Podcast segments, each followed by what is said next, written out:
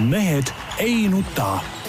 selle eest, et mehed ei nutaks, kannab hoolt Unibet, mängijatelt mängijatele tere kõigile, kes meid kuulavad ja vaatavad ükstapuha mis ajal ja ükstapuha millistest vidinatest, Mehed ei nuta on taas kord eetris, Tarmo Paju Delfist. tervist! Peep Pahv Delfist ja Eesti Päevalehest. Jaan Martinson Delfist, Eesti Päevalehest ja igalt poolt mujalt ja siin ma tahaksin äh, alustuseks, ma tahan mitu tervitust saata ja esimene Nii. tervitus on meie peaministrile, kes ütles, et suvi jääb ära ei midagi, eile suvi ei algas, homme lõpeb, vähemalt kolm päeva on suve olnud, aga vähemalt suvi oli. sõna ei maksa, peaministri sõna ei maksa Eesti ei maksa mitte kui midagi, ei maksa. Vähemalt, vähemalt selle peaministri sõna no see ei olnud nii tõsiseltvõetav avaldus. kusjuures mina võin öelda veel ennetavalt, et äh, ma nüüd täpselt võin, võin eksida päevaga, mis päeval täpselt suvi nagu ametlikult algab sel aastal, on ta kahekümne esimene või kahekümne teine juuni, aga äh, see ikkagi tuleb ka no muidugi tuleb. ja umbes kolm kuud see kestab Selle, see, või mõni tund umbes, siia. mõni septembri keskpaiga. ei no mõni tund siia või minut siia-sinna, eks ole nii, ja teine tervitus läheks mul äh, kindlasti meie armeejuhtidele, kes ähm, on välja mõelnud Eesti äh, sõjaväelastele uue välivormi, mis meenutab tsiviil. ja tsiviilvormi ja, ja minu meelest on see tegelikult väga hea mõte, sa mõtle, kui Vene väed tulevad sisse ja siis lihtsalt noh, tavalised noor, noored mehed, eks T-särgid seljas, dressipüskisid jalas, käivad järsku tšah, hüppavad neile kallale.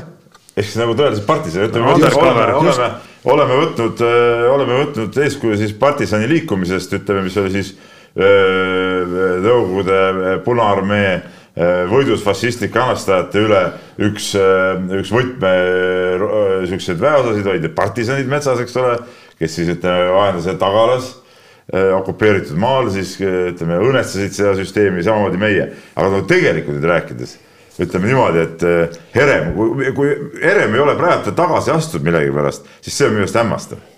see on hämmastav tegelikult, sest see on ju, see on absoluutne, absoluutne, ma ütlen niimoodi, sitapükslus, ütleme niimoodi. muud, muud ma ei oska mitte midagi ütelda, sihukese korralduse andmine, et sa nagu siis oma riigis, oma sõjavägi peab varjama seda, et ta on äh, sõjaväelane. mis te nalja teete või? mis te teete nalja või? ja, ja mis vahe kui ma oleksin, kui ma oleksin praegu äh, Putini äh, propagandavend, eks ole, siis ma paiskaks üle Venemaa praegu laiali uudiseid, võib-olla need on juba paisatud, ma ei ole vaadanud. kuidas eestlased kardavad Venemaad ja venelasi.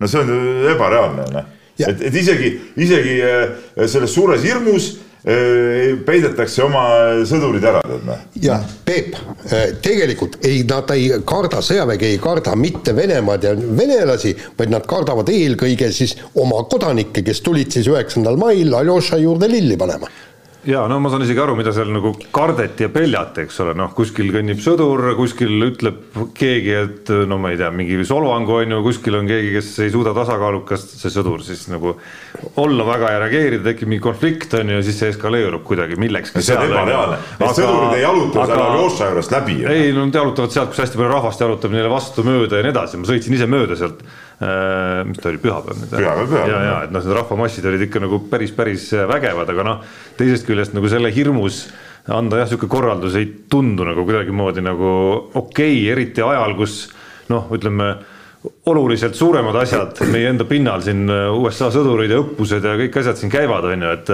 et kui, kui, kui, kui, kui mitte tahta kuidagi nagu provotseerida, siis siis, siis peaks need ka, need ammu ära keelama kõik ja, ja Eesti, ja Eesti, oota, ja Eesti pinnal ühte, ühtegi mitte sellist asja nagu teha, on ju, sellepärast, et lihtsalt mitte nagu äh, anda põhjust kuidagimoodi öelda Venemaale, mida nad ütlesid, et nüüd on Eesti suur siht. ja, aga vot see on muidugi huvitav, äh, kui Venemaa näiteks äh, koondab Pihkva kanti väeosad, siis me ütleme, et see on provokatsioon, on ju aga kui NATO mingid ameeriklased teevad õppusi Eestis, siis see on nagu normaalne või?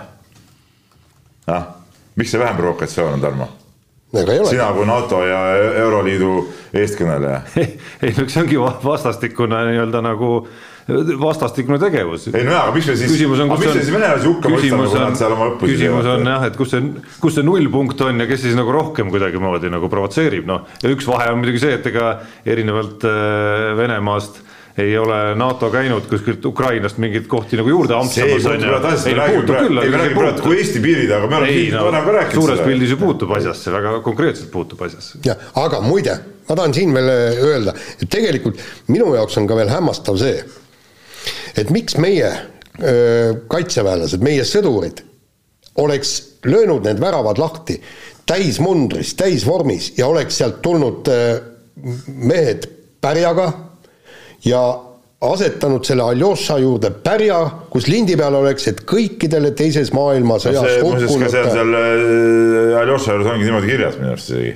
jah. Jah, just, ja, ja, ja sellega näidata, et me austame kõiki sõjas langenuid. no point on ju selles, eks ju, kõik räägivad, et see on no, Vene okupatsiooni äh, sümbol, noh mõnes mõttes muidugi ongi, aga teisalt selles samas, no ütleme samas laskurkorpusega, seal polnud ju, ju meestel midagi valida, kes võeti ühte võtta sinna väkke, kes võeti teise väkke, nii ongi, no mis ega siis seal ju sai ju küll ja küll neid inimesi surma. ja, ja täpselt sama, ja täpselt samamoodi needsamad Eesti poisid, kes pidid nüüd seal tsiviilvormis äh, ringi luusima, ega neil ei ole ka ju valikut. kui meil tekib mingisugune sõjaline konflikt, siis võetakse nad äh, mobilisatsiooni korras armeesse ja neil ei ole valikut jäävad ellu, on hea, ei jää ellu, püstitatakse mälestusmärk ja, ja, ja, ja viiakse neile hauale lilli, see on ju normaalne no. ja, ja selle teema võtan kokku sellega, et me kogu aeg rääkinud, et see Eesti sõjavägi on nagu sihuke sõjaväe mängimine või noh, sihuke nalja, naljategu, noh. see, see ja see, see selline käik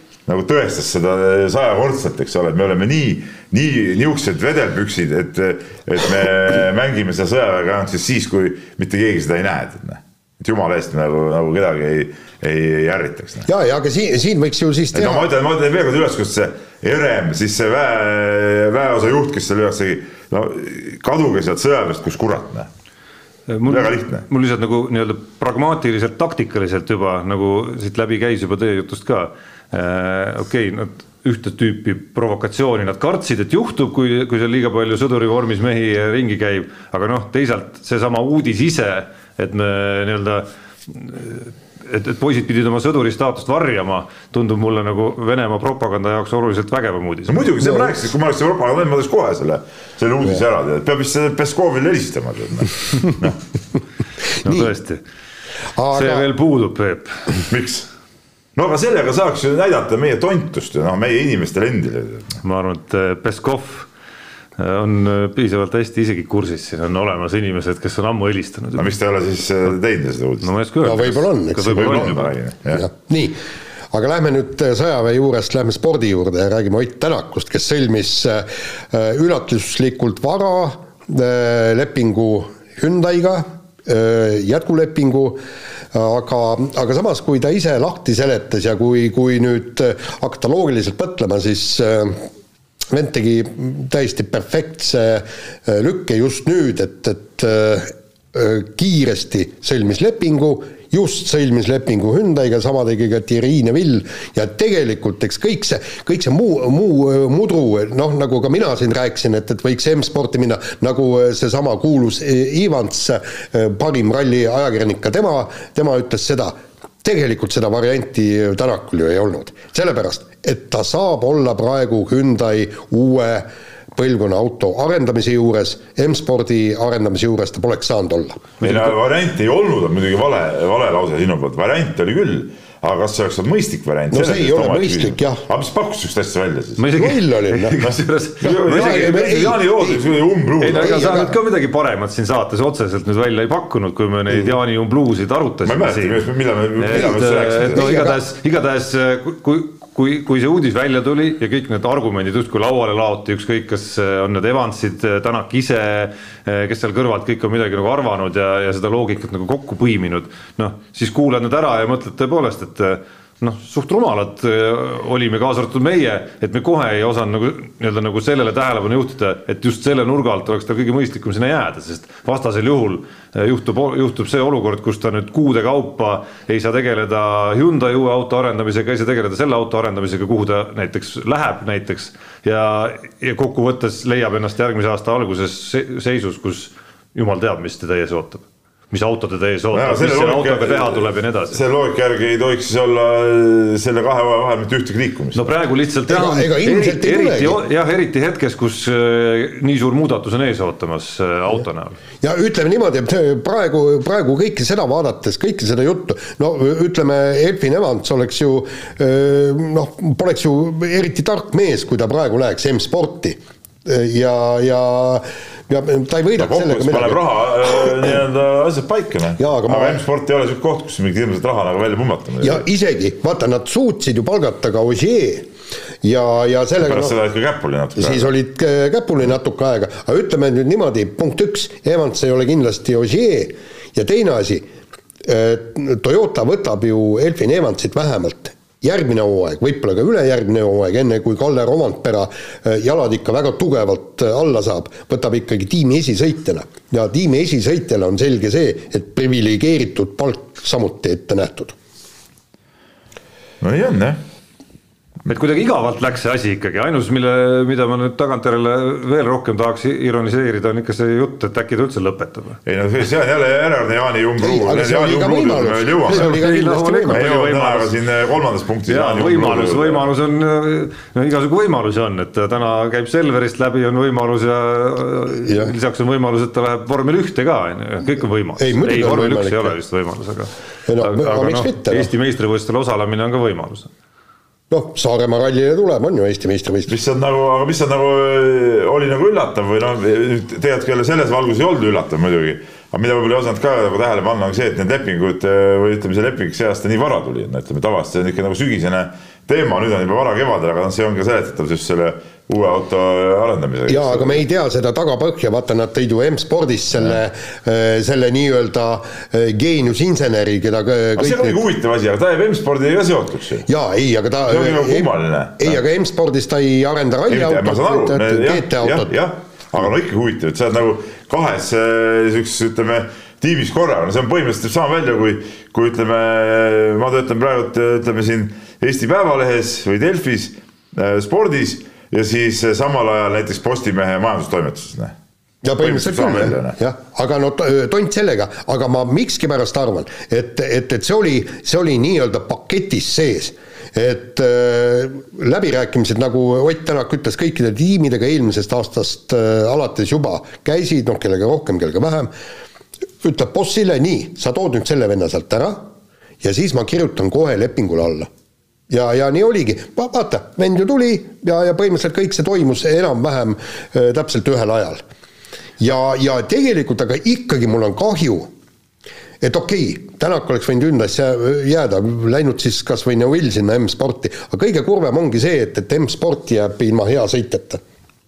aga noh, põhilisem ja huvitavam osa minu arust, kas ei ole siiski see, et noh, me näeme olukorda, kus Tänak ei ole nagu selles nii-öelda mitte tema tehtud Hyundai's nagu ikkagi nagu noh, sellisel kujul leidnud ennast, nagu ta leidis oma eelmistes masinates ennast, et kas nüüd, kui ta saab olla nagu näpupidi juures selle uue masina juures, kas me näeme nagu hoopis teist sobivust ja klappi tema ja uue auto vahel? absoluutselt. no kindlasti see on, tõenäosus on suurem muidugi jah. jah sest ütleme niimoodi, et, et M-spordi Fordi ta ju ehitas. Äh, no jaa, vaata see on ka see küsimus, et kumma sõna seal rohkem hakkab maksma, kas Tänaku või Neuvilli oma auto arendamisel no ütleme niimoodi, et ma kui Neuvill tuleks näiteks see aasta maailmameistriks, näiteks. ütleme praegu ta, või ütleme, asuks juhtima MM-sarja ja rulliks siin kõvasti, eks ole.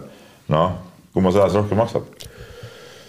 noh, jaa, see on aga, aga õnneks, õnneks toimub see auto arendamine enne. protsess samal ajal, eks ole. jaa, protsess samal, aga mis aga on. ikkagi äh, Neuvill on Hyundai's kogu aeg olnud, ikka ma ei ole, ma ei ole päris päris üks-ühele kindel, et, et see nii libedalt läheb muidugi, tead noh, sa pead ikka leidma mingi, mingi tasakaalu. jaa, aga Neville peab ka sellest aru saama, et tema ei ole siin Hyundai's tulnud maailmameistriks. järelikult see auto ikka nii perfektne ei ole ja ma kujutan ette, et, et ka temal on mingisuguseid probleeme, aga ta on lihtsalt selle autoga rohkem harjunud. aga veel üks äh, ääretult huvitav asi on ju, kuskil pole välja öeldud, kui pikk see leping on.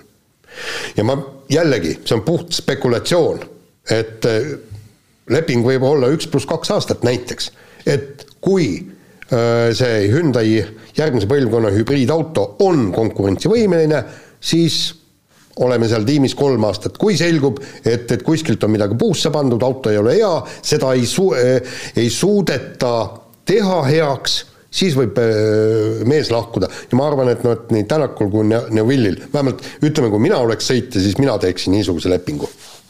Noh, üks, mida ta hindas kindlasti oli nagu ka nagu märgiliselt stabiilsus on ju, et äh, mul on tunne, et siin on nagu mingi väike kuidas öelda, lisaväärtus võib-olla see, et esiteks on tal maailmameistri pinge maas, on ju, tal on üks tiitel käes ikkagi.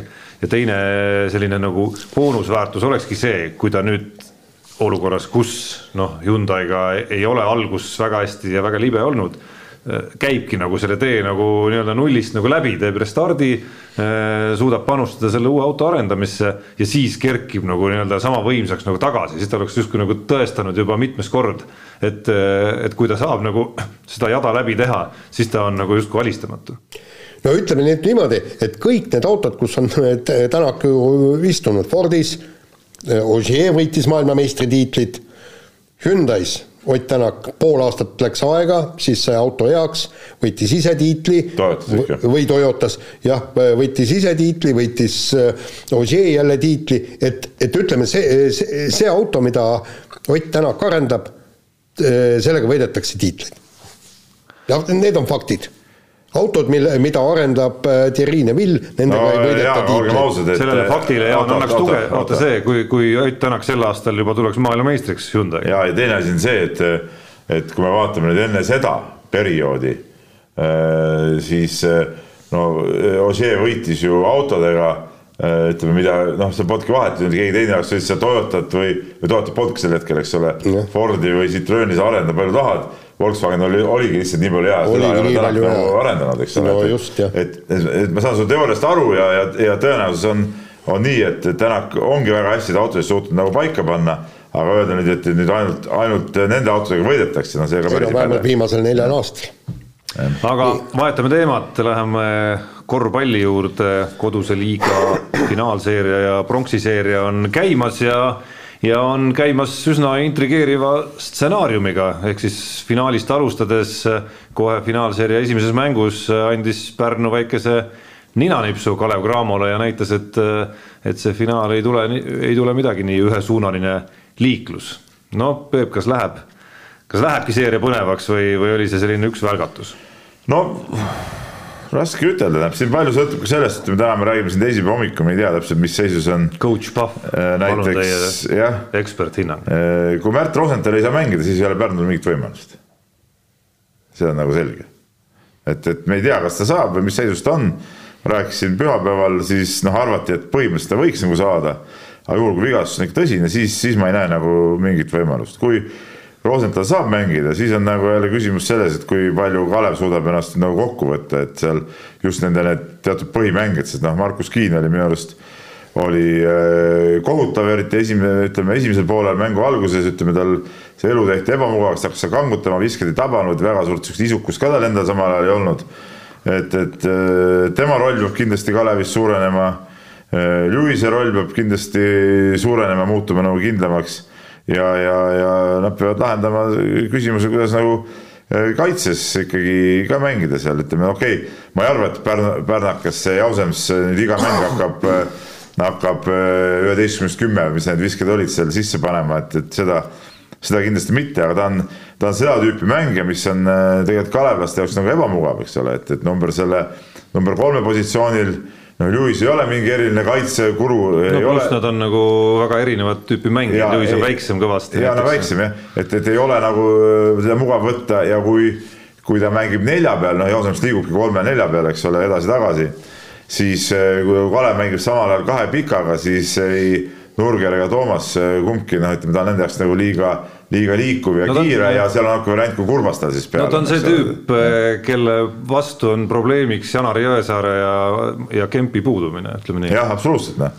no Jõesaar on nüüd eh, järgmine nagu sihuke võtme, võtmeküsimus, et, et kas ta tuleb tagasi, trenni ta teeb. Eh, noh, võiks nagu iseenesest tagasi tulla, aga, aga samas siin üks ühes teises podcast'is ka räägiti sellest, et Jõesaar ei ole selline mängija, kes kuu aega noh, on, nagu audis ja siis tuleb ja hakkab kohe tegema, et, et selle väitega ma olen absoluutselt nõus, et, et ta on kindlasti selline mängija, kes, kes vajab sihukest sissetöötamise aega, et siin võib muidugi olla see, et, et tuledes ühe mängu nagu paugutad ära, aga, aga ütleme, ütleme pikemas äh, jooksus, ütleme, kui tulevad kolmas-neljas, võib-olla viies mäng juurde, et siis, siis ma tema, tema mingisse väga heasse vormi tegelikult ei usu tegelikult peaks Kalev, tegelikult peaks isegi sellise koosseisuga olema Kalev ikkagi tugevam. no peaks muidugi, on mingid asjad, mis, mis justkui nagu ei ole vabandatavad ja põhjendatavad sellega, et, et sul on koosseisust ikkagi sellised kolm-neli olulist lüli väljas ja seda nii, seda nii Rakvere Tarva vastu mängides kui ka Pärnu vastu mängides.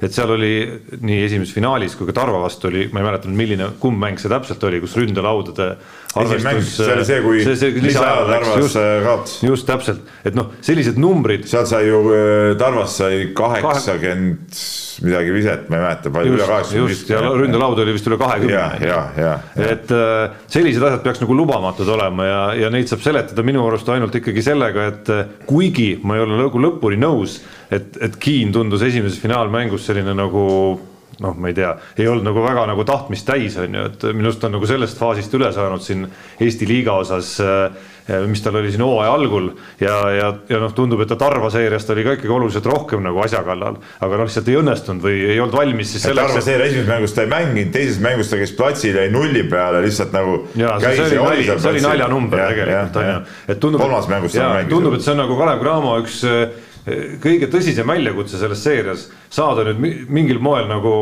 nagu korralik nagu võitleja pilk ette ja hakata nagu noh, nagu tõsiselt võtma seda asja on ju, et VTB liiga hooaeg on läbi, lõppes hästi. Äh, põhimehed on teinud oma hooaja justkui nagu suurepäraselt ära ka individuaalses plaanis on ju, Kiinid, äh, Jõesaared, Lewised, Kempid on ju. Äh, poolvigastel meestel ütleme, võib-olla ei olegi väga mõistlik enam nagu veri ninast välja nagu naasma hakata siin hooaja lõpufaasis, eriti kui on lootus, et saame äkki ilma hakkama. et seesama ründelauapallide number on ju tegelikult üks põhilisi näitajaid, mida, mida treenerid vaatavad, kui nad tahavad aru saada, et kas meeskond nagu on nii-öelda nagu võitlusrežiimil või ei ole, on ju no teine asi on ka see muidugi, et äh, mis, millest suhteliselt tuleb Pärnule muidugi au anda, on see, et nad on kõva kaitsevõistkond, eks ole, ja seda, seda nad selles mängus ju ka tõestasid, noh, Kalev hoiti ikka väga madala äh, skoori peal no ja, ja sunniti ka, ma segan, sunniti ka otsustavatel, äh, paaril otsustaval hetkel ikkagi päris raskete visete. no see, võta seesama see, okei okay,, Luise see kõigepealt vise pluss siis see, kui Pärnu oli juba ees ja neil oli tai-, Kalevi time-out ja Kiin pidi minema viskele, kolm oli vahet. Kõigepealt suudeti pall out'i uuesti mängida siis tehti see asi seal nii ebamugavaks ja raskeks, et, et see küll, aga, aga selge see, et ütleme kogu selle Pärnu nüüd ütleme, see korvialuse kaitse nurgakiviks on muidugi muutunud ikkagi Kristjan Kangur, et et, et selle mehe ütleme, vorm on nüüd läinud nendeks mängudeks, just see kaitsemängu vorm, okei okay,, ta viskas mõned kolmesed ka sisse, mis oli ka muidugi lubamatu et Kalev lasi neid nii vabalt tal visata, sest ega see on ju teada, et ta tegelikult, kui ta vabalt seisab seal jalad maas, ta loomulikult paneb need ära, need visked, tead noh. Aga, aga põhi tema roll on ikkagi see, et kuidas ta kaitses korvi all selle asja nagu kokku lapib, et et ega nendel eh, Kalevi meestel ei ole nagu mõnus sinna tulla ja ta on ka sihuke mees, kes ütleme nagu väga ei helita seal, kui mehed sisse tulevad, et ta on nagu sihuke, sihuke tugev tükk. no me oleme näinud siin äh mitte väga kaua aastaid tagasi Gustavo Aione ja, ja selliseid. Äh, tippmehi Euroopas ikkagi põrkama selle kanguri nimelise müüri vastu seal korvi all. ja, ja mis ma veel tahan öelda, Pärnu tegelikult jäi reservi päris kõvasti, sest äh, tegelikult äh, mängujuht Maksuuni mängis enamus mängust suht kehvasti rünnakul. ütleme okei okay,, seal lõpus ta pani seal paar asja ära, aga tegelikult ei olnud tal väga hea mäng. visketabavus tervikuna, võtame seal valged ja asjad joone tagant ei olnud väga hea Nad jäid vist kuskil lõpuks said kolmekümne prossa peale, aga ütleme alguses eriti viskasid päris palju mööda.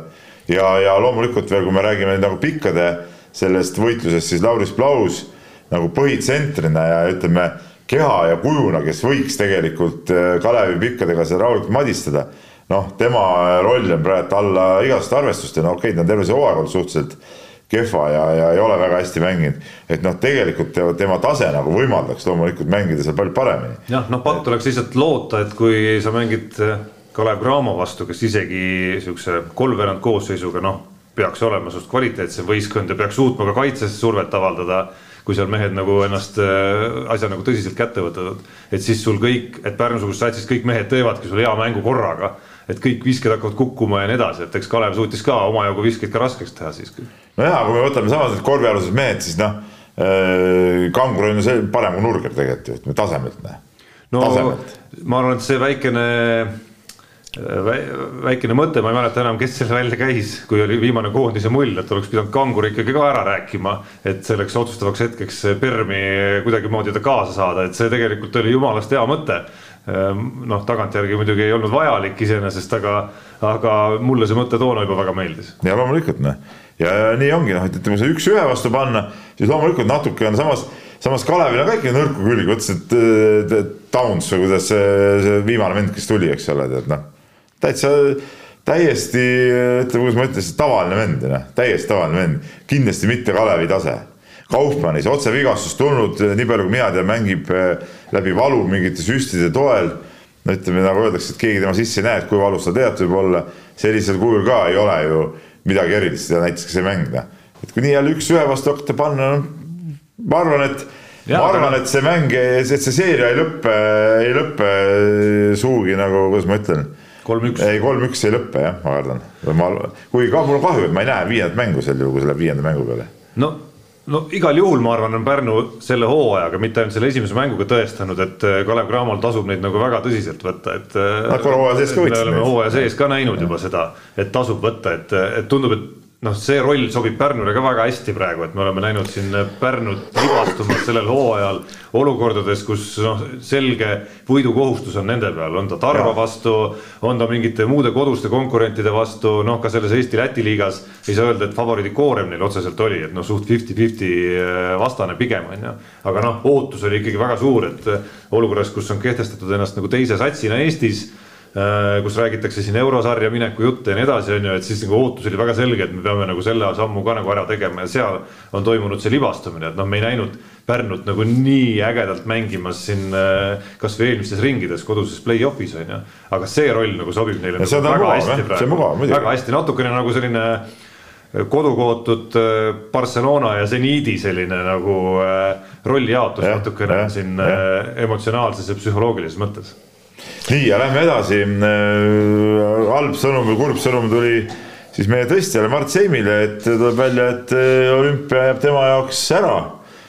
Tokyo olümpia, sest et ähm, ei ole tal siis vastavaid norme täidetud, ta lootis, et saab siin noortevõistlustel nii-öelda peale ja, ja saab need ära täita, aga Rahvusvaheline Tõstjaliit otsustas, et, et seda võimalust ei anta ja, ja, ja nii ongi. ja, ja noh, tema lootus võib olla see, et võib-olla võib-olla Tokyo olümpiates ei toimugi nagu, nagu Jaan siin oma, oma soperdisest täna äh, välja tõi, eks ole, samas nagu me näeme, Jaani neid asju ei saa väga tõsiselt võtta. ei, ei, ei, ühest küljest ei saa, oota, ma segan korra vahele, ühest küljest ei saa, aga. räägime kõigepealt seimist, räägime kõigepealt seimist, eks ju. aga mis siin pole midagi rääkida? ei, äh, tegelikult on rääkida.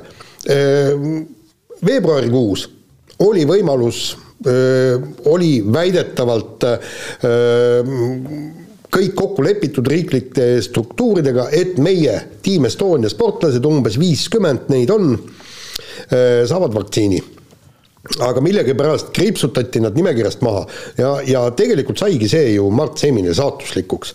et äh, jäi koroonaviirus, see jõud kadus täiesti, ole, oleks saanud ju EM-il tõsta, oleks oma äh, nelisada kümme kilo, mis ei ole ka mingisugune probleem tema jaoks, oleks üles saanud, oleks kõik vend olümpial olnud ja oleks saanud öö, äh, korralikult mängudeks ka valmistuda. ja, ja kui arvestada, et, et üsna kõht ja kesine on olümpial see raske kaal, siis oleks medali võimalus olnud päris suur aga paraku nii läks, et eh, noh, keegi muidugi noh, vastutust ei võta, noh spo-. ei, ei, ja, ja, aga see on kahe otsaga asi, me jõuame tegelikult ikkagi ringiga selle olümpia toimumise juurde. aga kas oleks olnud, oleks olnud nagu õige eh, sportlasi mingisuguse, ma nüüd nagu räägin nagu natuke spordimehelikkusele nagu vastu, mingisuguse olümpia pärast eelistada sportlasi ütleme nendele, kes tegelikult seda vaktsiini rohkem vajasid? Äh, nii, äh, kui me hakkame nüüd äh, vaatama, kes seda vaktsiini said, mitte vajasid, kes selle vaktsiini said, meil said kõik mingisugused kantslerid ja asjad kõik. ei no need siis... peavadki saama, riigijuht, loomulikult peab saama. loomulikult olulisem ei. kui, kui, kui sa, kui, kui mingi sportlane. ei, seal said ju täiesti suvalised sassid said ju ka seda vaktsiini tegelikult see ei olnud korraldatud. teine kivi, kelle kapsaaeda võib-olla tuleks ka, ka visata, oli, oli ka võib-olla Rahvusvaheline Olümpiakomitee, kes nüüd on saanud kõikidele olümpiasportlastele vaktsiini, Pfizeri vaktsiini eks, ja nüüd jagatakse siis, kui, kui riik soovib, siis neile sa-, saadetakse kõik see, et see kõik oleks vaja, vaja olnud varem ära teha. ja kolmas äh, kivi ikkagi kapsaaed on äh, tõsteliidule, sellepärast et äh, Mart Seim ei olnud ju ainuke, kes koroona tõttu, seal olid noh, liikumispiirangud olid paljudel ja, ja kõik muud niisugused asjad, kes põdes kõik, et oleks ikkagi pidanud andma selle võimaluse. veel kord ma ütlen seda, et see, et olümpiakomitee nüüd sai selle vaktsiini, on ka loogiline sest et ütleme kolm äh, kuud varem näiteks äh, noh, jällegi ei olnud saadagi seda kuskilt. ei olnud saada ja, ja, ja tegelikult kogu, kogu oma spordifännuse juures ma ei olekski võib-olla pidanud õigeks seda, seda sihukesesse kohta suunamist. no kuskil ilmselgelt ongi ju selle väga ebatavalise ajastu ohvrid. noh, selles mõttes nagu süüta ohvrid, aga paratamatud ohvrid noh, ma räägin Mart Seimist praegu, eks ole, et aga me näeme seda ju ükskõik mis alal, kus mingid meeskonnad peavad mängupause pidama vahepeal. Kalev Cramo sai VTB liigas isegi ühe loobumiskaotuse selle pärast ja, ja tagantjärele hakkad tabeliseisu vaatama, siis. see maksis kätte lõppkokkuvõttes, oleks play-off'is olnud. võib-olla play-off'is olnud on ju, kui oleks selle mängu võitnud on ju ja nii edasi ja nii edasi, et võib-olla Rimas Kurtinaitis oleks ka ametis veel, kui Himki hooaja algus oleks teistmoodi läinud, et. see, see, see on jõudski kraavi selle. mõned satsid said siin erandeid on ju, kuna neil neil oli liiga vähe, ütleme, neil oli, neid mehi jäi neil liiga vähe alles, on ju, ja siis nad ei saanud reeglitele vastavalt enam nagu mängida, on ju. Himki õnnetus oli see, et neil oli liiga palju mehi veel kuskilt duublist üles antud ja, registreeritud ja siis noh, neil seitse-kaheksa venda olid olemas, kellega kohale minna, aga võidulootust ei olnud ja nii edasi ja nii edasi, et. et noh, neid näiteid on ju päris palju. jah, aga, aga veel kord, eh, rahvusvaheline tõsteliit oleks, oleks pidanud andma selle võimaluse ikkagi. seda ma muidugi aru ei saa, miks seda võimalust ei antud, sellega ma olen nõus. et Seimi, Seimi kehva olukorra juured siiski on ju, teine pool peitub ikkagi tema enda vigastuses ka. seda muidugi, seda ka, aga sellepärast ma ütlengi, et, et võib-olla see eh, Jaani kirjutatud artikkel ja ja, ja Mail Neile tunnistas, kuidas Jaan äh, vedas ka noorreporter äh, Roosaga kihla äh, veini peale, kas olümpia toimub või ei toimu. et ma tegelikult nagu, nagu kaldun isegi ka sinnapoole, et, et võib-olla see olümpia tõesti ei peakski toimuma no ma tahtsin ka öelda siin enne, kui Jaan ei lasknud öelda, et tahtis Seimi juurde jutuga veel jääda, et me ju oma aasta ennustuses ka oli meil küsimus püsti, et kas olümpiamängud toimuvad või mitte ja seal. mis me ennustasime? no ma mäletan, mina ennustasin, et ei toimu. ma arvan, mina, mina ütlesin just ei. teist kindlasti ennustas ka sama. jah, mina ütlesin just ei. et, et mida päev edasi, seda rohkem ütleme, mul ei ole tekkinud suuremat kindlust, kui seda ennustust tehes tänase seisuga, et, et see ikkagi toimub. kuidagi jälle... tundub nagu ebarealistlik, aga okei okay,, ma saan aru, kuskil on siiski nagu võib-olla mingisugune nagu võimekus äh,, rahavõim, see kõik nagu kuidagimoodi ära korraldada, aga ma ei näe ikkagi nagu seda, seda, kuidas Jaapan saaks selle nagu Jaapani nagu nõusse saaks ka sisuliselt selles osas, et Jaapan tahaks seda korraldada? no praegune seis ju näitab ju kõige, kõige efektsemalt näitab asja ju praegust seisu ju see, et kui ROK-i äh, president äh, Toomas Bach pidi sõitma ju sinna Jaapanisse läbirääkimisi pidama, siis Jaapan on lukku pandud, ta ei saa sinna. ta pidi tühistama selle sõidu, kolmekümne esimese maini ei saa isegi nii kõva mees sõita sinna ja jaapanlased näiteks, no nad oleksid ju võinud orgunnida mingisuguse eralennuki kas või, või mis iganes. aga ei saa, riik on lukus, punkt. president ei saa ja aga asi on ju see, et need koroonanumbrid, ma just vaatasin seda graafikut, eile seal oli kõik Jaapani graafik oli olemas, kuidas need koroonanumbrid tõusevad. okei okay,, nad on madalamad kui meil, aga noh, jaapanlastele see ei meeldi, et need numbrid tõusevad ja, ja nad no, tõusevad no, järjepidevalt. noh, ma just vaatasin, nende rekordtasemel on nad praegu. just, ja, ja kolmas asi on see, vot ühest asjast ma tõesti aru ei saa, Jaapan, suur rikas riik ja neil oli äh, aprilli lõpu seisuga, nagu rahvusvaheline ajakirjandus äh, kirjutas, üks koma üks protsenti äh, elanikkonnast vaktsineeritud. meil on praegu kahe, kakskümmend kaheksa koma üks protsenti vähemalt ühe doosi saanud. noh, see lihtsalt, mis tekitab nagu seda nagu skepsist, on see, et, et ma ei näe seda nagu head logistikat ja, ja suutlikkust seda nagu ära lahendada, et me näeme siin mingid uued tüved, kõik ronivad välja küll Aafrikas, küll Indias, no igal, igal pool Brasiilias, kus nagu see viirus on nagu korralikult vohama läinud. et et kuidas ja mis nipiga sa siis tood kõik need sajad atleedid ja, ja nende kaaskonna ja kõik, kõik nagu kohale turvaliselt. ja kujutan ette, kui suur öö, koondis on Indial, kui suur koondis on Pakistanil austraallased on ju niimoodi, et, et nad panevad oma kodaniku vangi, kui ta tahab Indiast tulla Austraaliasse. mingu puhaku kuskil mujal jalga, saagu oma vaktsiin ja siis saab Austraaliasse. ja nüüd kogu see India kaup, kamp peaks tulema niisugune hurraa Jaapanisse. põhimõtteliselt peaks need hiigelmullid juba vaikselt nagu pihta hakkama kuskil, kust nagu nii-öelda vahepeatustega tehakse, mäletad, kui eelmine aasta NBA-d tehti, siis ju samamoodi. see käis nagu faaside kaupa, on ju, et kõigepealt koguned nagu ühte kohta, on ju, no ütleme siis, ütleme üks olümpiakoondis koos näiteks.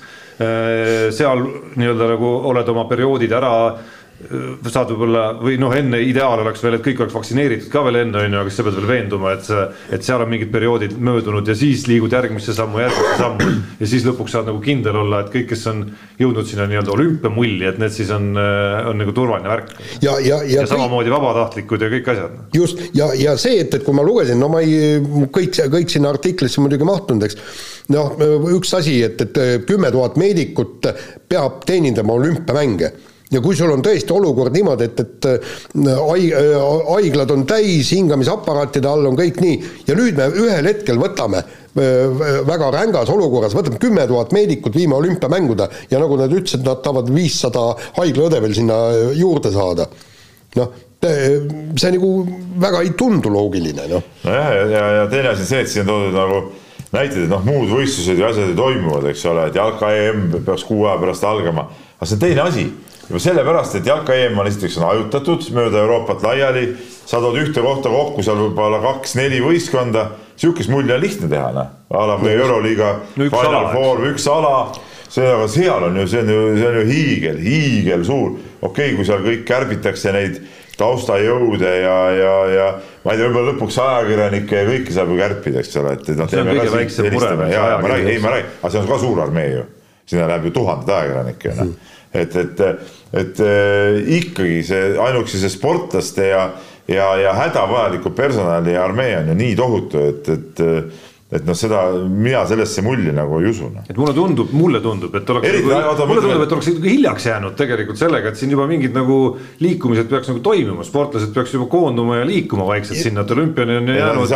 kolm kuud. ja aga, aga, aga seal on teine asi on ju ka see, et, et paljud äh, Jaapani piirkonnad on ju ära öelnud nii-öelda eellaagritest rääkisin, jah, ja rääkisin meie olümpiakomitee inimestega, nemad ütlesid, et nende piirkond, kus nad, see on Saku linn, et, et see õnneks veel ei ole loobunud, aga tont seda teab, mis on. ja, ja näiteks see oli ju täielik absurdne, kui üks vabatahtlik ütleb, et vaata, meil tuli ka, ajakirjanikel tuli ka ju kõik see, et, et kuidas me peame käituma, kõik täpsed ja, normid, meie peame ju olema ka samas mullis. täitma nii-öelda seda nagu, nagu, nagu dopingureeglid põhimõtteliselt paneme passi kõik kirja, et kuhu me lähme järgmistel päevadel, mis võistlustel paneme minna, kõik, kõik. kogu aeg peame nagu täitma ja, seda. ja, ja kusjuures, kusjuures seal ei tehtud isegi ajakirjanikele seda soodustust, et seal on nüüd need, kes elavad ametlikes hotellides, nendel on okei okay., buss tuleb ette, viib võistluspaika, toob tagasi. aga seal on palju ajakirjanikke, kes tegelikult äh, võtavad hoopis teised, noh, kodumajutus või kõik, kõik nii ja öeldi ei linnatranspordiga te liikuda ei tohi ja põhimõtteliselt neil ei olegi nagu mõtet sinna minna. ja siis tuleb, ütleb Jaapani see äh, vabatahtlik, et temale anti kahele paberilehele mahutatud nii-öelda käitumisjuhend, kus oli kolm põhipunkti. kanna maski, pese käsi ja, ja hoia distantsi, kõik punkt. Nemad võivad linnatransportiga sõita, võivad istuda baaris, kõik, ja siis nad lähevad selle sportlase juurde aitavad tal kõik, noh, seal on nagu call ruumides kõik see vabatahtlikud, ajakirjanikega meil on ju ka, neid abilisi on kõik vaat täis, eks. no jumal, ma ei taha nendega väga kokku puutuda. no ja mis siis veel, mis siis nagu kindlalt selle pealt juhtuma hakkab, on see, et seal hakkab reaalselt olümpia ajal neid case'e ja positiivseid proove tulema. et noh, me alles eelmine nädal jäi spordisaatest silma, et kurlingu mis ta nüüd on, EM või MM, MM, on käimas, on ju, Eesti naiskond mängis seal ja siis mingil päeval peatati turniir, kuna telemeeskonna või teletiimi osal mingil liikmel oli, oli siis koroonaviirus avastatud, on ju. ei noh, Saksa koondisel jäi ju üks haigeks ja kui võistkond on neljaliikmeline, siis nemad pidid kolmekesi mängima. millises mahus hakkab suure olümpia peale selliseid asju tulema? ei ta ongi noh aga me, Jaan, oleme selleks ajaks juba mõlemad äh, vaktsineeritud.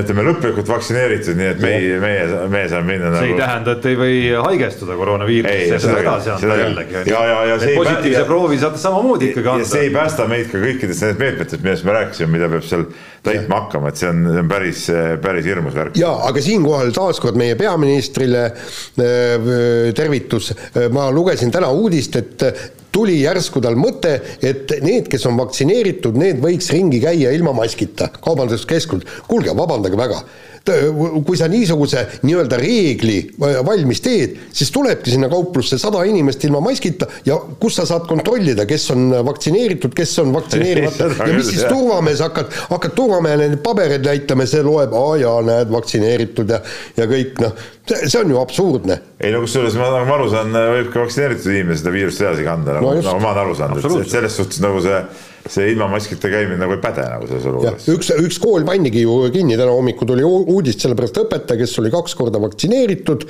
jäi koroonaviirusse ja kuna õpilased on lähikontaktsed, kool kinni. jah, nii on, aga nüüd laseme kõlli paus praegu kandis väga äh, hästi. paus kandis korraks, ma mõtlesin, et peame nagu tuletama, millal nagu see kõll saaks nagu läbi, aga siis, kui ma mõtlesin, et nüüd on vist läbi, siis ta alles algas. Peebu lauluoskuse juures, ma arvan. ei oleks olnud probleemi. ei oleks olnud probleemi ikkagi teha siin. jaa, oleksime saanud hakkama küll. vana trummar koolibändis. ja pioneeritrummar. pioneer, ei ma olin lippur tegelikult. no vot. Ah, meil on olnud selline ühine saatuse käik. jah mina olin oktoobrilapsena ka lippur ikkagi ah,. ja olen võitnud Kostiveres ma nüüd ei tea, mis, kas see oli Harju rajooni rivivõistlus või mis see oli, aga igatahes Aruküla põhikooli või oli ta toona kaheksanda, kaheksaklassiline kool, ma ei mäleta, kuidas see nimetus oli. olen teise klassi õpilasena võitnud selle oma klassiga. auhinnaks ma mäletan veel, oli sefiiritort, mis mulle ei maitsenud toona ega ma, ei maitse praegu ega maitsenud ka toona ma mäletan nii palju, et eh, lipp, eh, kui seisid, siis pidi olema eh, varba peal, eks ole, see nagu jalanõu peal ja siis joondu oli ette ja valvel oli süüa. kõva. see on kõva Ja. nii, aga räägime nüüd käsipallist ja, ja Peep kindlasti, tema on ka käsipallispetsialist meil, nii-öelda spetsialist ja, ja erinevalt Jaan sinust olen ma nagu päris spetsialist olnud sel ajal. nii, ja, ja kirjutas väga hea kommentaari ja tegelikult oli jään eriarvamusele, aga oota, mis, mis, mis, milles sa oled eriarvamusel? oota, oota, räägime kõigepealt case'i lahti, ühesõnaga võistlusjuhendis võistlusjuhendis oli, oli kirjas, kui see oota, räägime edasi, nii. jah, võistlusjuhendis oli kirjas, kui selleks kuupäevaks põhiturniir läbi ei ole, siis play-off ei toimu, kõik punkt. ja see oli sügisest saadik teada? sügisest saadik. olgem ausad, rõhutame ära kohe, hakkame otsast peale kohe. Eh, otsus sihuke asi paika panna sügisel oli idiootne. just. idiootne, aga kui see paika pandi siis nii on, nii edasi. nii, ja, ja nüüd siis Põlva Serviti mängis ainult ühe mängu viiki, kõik ülejäänud võitis, ülekaalukalt Eesti meister ja nüüd hakkavad siis eh, Viljandi, Kehra ja kes see veel, HC Tallinn hakkavad nõudma, et kuule, kuule, et teeme ikkagi play-off'i ja, ja selle peale Põlva ütles, et kuule, teeme Final Fouri, mis on veel totram selle asja. ja, jah, just, et teeme Final Fouri, et ühesõnaga mängime, noh, no, no, no ei ole ju, no näiteks jalgpalli mm, meeskond kaotab kuule, aga tead, teeks ikka niimoodi, et mängime ikka finaali kahest mängust. Mitte ja, ühest mängust, eks. no ma arvan, et kahes asjas oleme või, või, või mängu lõpp on käes, oled seal null kaks taga, vaatad kaheksakümnes minut ja siis ütled kohtunikule, et või vastastele ka, et vot täna ei ole mitte üheksakümmend, täna paneme sada kakskümmend minutit. no just. no ma arvan, et kahes asjas, ma arvan, et kahes asjas oleme me kõik siin nagu ühel meelel, esiteks on äh, fakt number üks on see, et äh, Eesti käsipalli meistrivõistlused, mis on ikkagi Eesti mõistes päris suur sari, olid siis nüüd sellel kevadel ainsa, ainus sari, mis äh, hoolimata sellest, et spordimaailm nagu käib, noh, ei suutnud oma play-off'i ära mängida, ei suutnud teha nagu sellist täishooaega nagu, nagu, nagu võiks nagu olla ja peaks nagu olema, kui me ümberringi vaatame. Äh, minu arust oli ka näiteks äh, Saali Okki tegi nii, et seal seeriaid ei olnud, vaid oligi üks finaalmäng. no vahet ei ole, aga no ühesõnaga hooaja kulminatsioon. mis, mis tegelikult, mis tegelikult on absoluutselt väär mis muudab ei, ei, ma ei ole võib-olla selle, ma ei ole selle, sellise versiooni pooldaja number üks kindlasti mitte ka kõige rohkem. Äh, punkt kaks, milles me oleme kindlasti ka ühel meelel, on see selle nagu reegli või, või juhendi punkti sõnastuse vormistus, mis siis hooaja algul nagu kokku pandi, on ju et, äh, et seda, seda asja oleks saanud nagu oluliselt paindlikumalt tegelikult nagu Jugas, hakata vaatama, et mida me teeme juhul, kui hooaeg hakkab meil sellel või teisel põhjusel venima. et noh, näiteks ka praegusesse olukorda pannes minu arust oleks olnud jumala okei lahendus, seda ma jagasin sulle ka siin reedel vist, et äh, hoopis selline punkt, mis ütleb, et kui me selleks kuupäevaks ei jõua ära mängida põhiturniiri, siis me loeme põhiturniiri sellelt seisult lõppenuks. no nii nagu korvpallis tehti. mis on sellel kalendriseisul, mis siis, et mõnel meeskonnal on neli mängu mängitud või mängimata, mõnel meeskonnal üks ja mõnel. võtame protsentide võidu protsenti. ja, ja hakkame play-off'i mängima, mis on ikkagi nagu noh olgem ausad, nendel aladel, kus play-off eksisteerib, on ikkagi hooaja ilmselge ju kulminatsioon, on ju. isegi kui see kahandab äh, põhiturniiri äh, väärtust ja põhiturniiri üksikute mängude väärtust. see, kus meil nüüd natukene läheb nagu äh, nugade peale siin, see on küsimus, kas sellest hoolimata, et asi venis ja ei jõutud mängitud õigeks ajaks. kas Serviti oleks võinud siiski nagu olla ka huvitatud, et mis siis, teeme ikkagi ära selle play-off'i, kuna, kuna me oleme mängijad, kes tahavad play-off'i mängida, kuna meil on fännid, kes tahavad, ka Serviti fännid tahavad play-off'i näha et, et kelle või mille jaoks me siis seda nagu käsipalli mängime. huvitav nüanss on siin veel see, et see kuupäev oli kakskümmend viis aprill yeah., eks. et kuidas see, täna on meil üksteist mai ja kogu, kõik need uudised tulid kusagil mai algul juba välja. et see, mida mida, mida nüüd need klubid, kes tahtsid sellesse juhendisse nüüd nagu viimasel hetkel muutust, on ju. see, millele nemad nagu apelleerivad, on see, et tegelikult enne koondise mulli Servite esindajad nagu andsid ikkagi mõista, et nad on huvitatud play-off'i mängimisest, isegi kui jääb see. see on detail, mida me ei kui, saa teada. kui, kui nagu, jääb jah. see, isegi kui jääb see nagunii ja seda, seda oli näha enne koondise mulli, et kahekümne viiendaks, see oli selge ju tol hetkel. siiamaani pole mängitud kõik mängud. just, et see oli juba ja. siis selge, on ju, et see, miks kulus siis, ma ei tea, seitsmes mai või kuues mai või millal see tegid, uudis nagu välja tuli? uudis uudiseks, nad äh, tegid ettepaneku vist kuskil, kas see oli aprilli viimastel päevadel või, või tegid ettepaneku, et võiks ikkagi play-off'i mängida vist. et, et noh, minu andmed, olles, olles, olles rääkinud inimesega, kes oli mingil mullieelsel koosolekul, oli see, et Servit tol hetkel veel oli nagu huvitatud, et teeme ikka play-off'i. aga noh, see on nüüd see, kus oleks hea siin äh, Servit esindaja, kes ütleks, kuidas siis äh, tema nägemus sellest. kuigi ma ei ole selles päris et, kindel. aga, aga kuida, oli, kuidas oli, mina arvan, et Serviti oleks võinud siiski tahta, et me leiame lahenduse, et play-off toimuks. miks, nad, nad panustasid, kuna nad vaatasid seda reeglit, nad panustasid läbi hooaja sellele ja nad mängisid maksimaalselt seda põhiturniiri. kes keelas teistel mängida seda maksimaalselt? ma no,, ma küsin veel kord, kes keelas HC Tallinnal, Kehral Viljandil, Tapal mängida maksimaalselt seda põhiturniiri, mitte keegi ei keelanud. kui oli teada, see oli ju teada, ma ütlen veel kord, see otsus oli loll, lollus, et sihuke otsus tehti, aga kui see otsus oli, selle järgi ju mängiti läbi hooaja, siis tuli selle võimalusega arvestada ju. ja, ja selle peale ju, ju vennad panustasidki, Põllu pani kõik mängud, pani võimendadega, Otti too, eks ole, tead noh noh, ja, ja no. võtsidki ära no, ja ongi kõik noh. ja, ja, ja, ja, ja uunati, uunati need põhi, põhivennad ära ja tegelikult. ja nüüd ongi, nüüd on viga, osad on vennad vigastatud, nüüd kui Põlval on, ütleme, mitu põhikoosseisu venda vigastatud, siis tulevad mingid vennad jutuga, et hakkaks nüüd play-off'i mängima. aga mis mõte seal põhiturniiril sedasi oli siis, kui, kui see oli teada, et see on tegelikult äh, selle hetkeni nagu äh, meistri selgitamiseks, see on nagu, see on no, juba mina nagu selles suhtes mõistan, äh, mõistan täielikult seda ja, ja, ja, ja õige värk, aga no, ma ütlen, ma ütlen, lollus oli selle reegli tegemine. ma ei hakka nagu kordama ennast, sest ma tegelikult juba ütlesin, miks ma nii arvan, nagu ma ütlesin. aga, aga just sellepärast ma arvan, et ka Serviti klubina mängijad ja ka fännid oleks eelistanud näha ikkagi neid mänge, selles, sellepärast oleks võinud selle lahenduse, kasvõi seesama lahendus, mida välja pakkusin, põhiturniiri seisu loeme lõppenuks, oleme kõik nõus sellega ja, ja siis läheme play-off'iga edasi. sellist asja keegi välja pakkunud ju?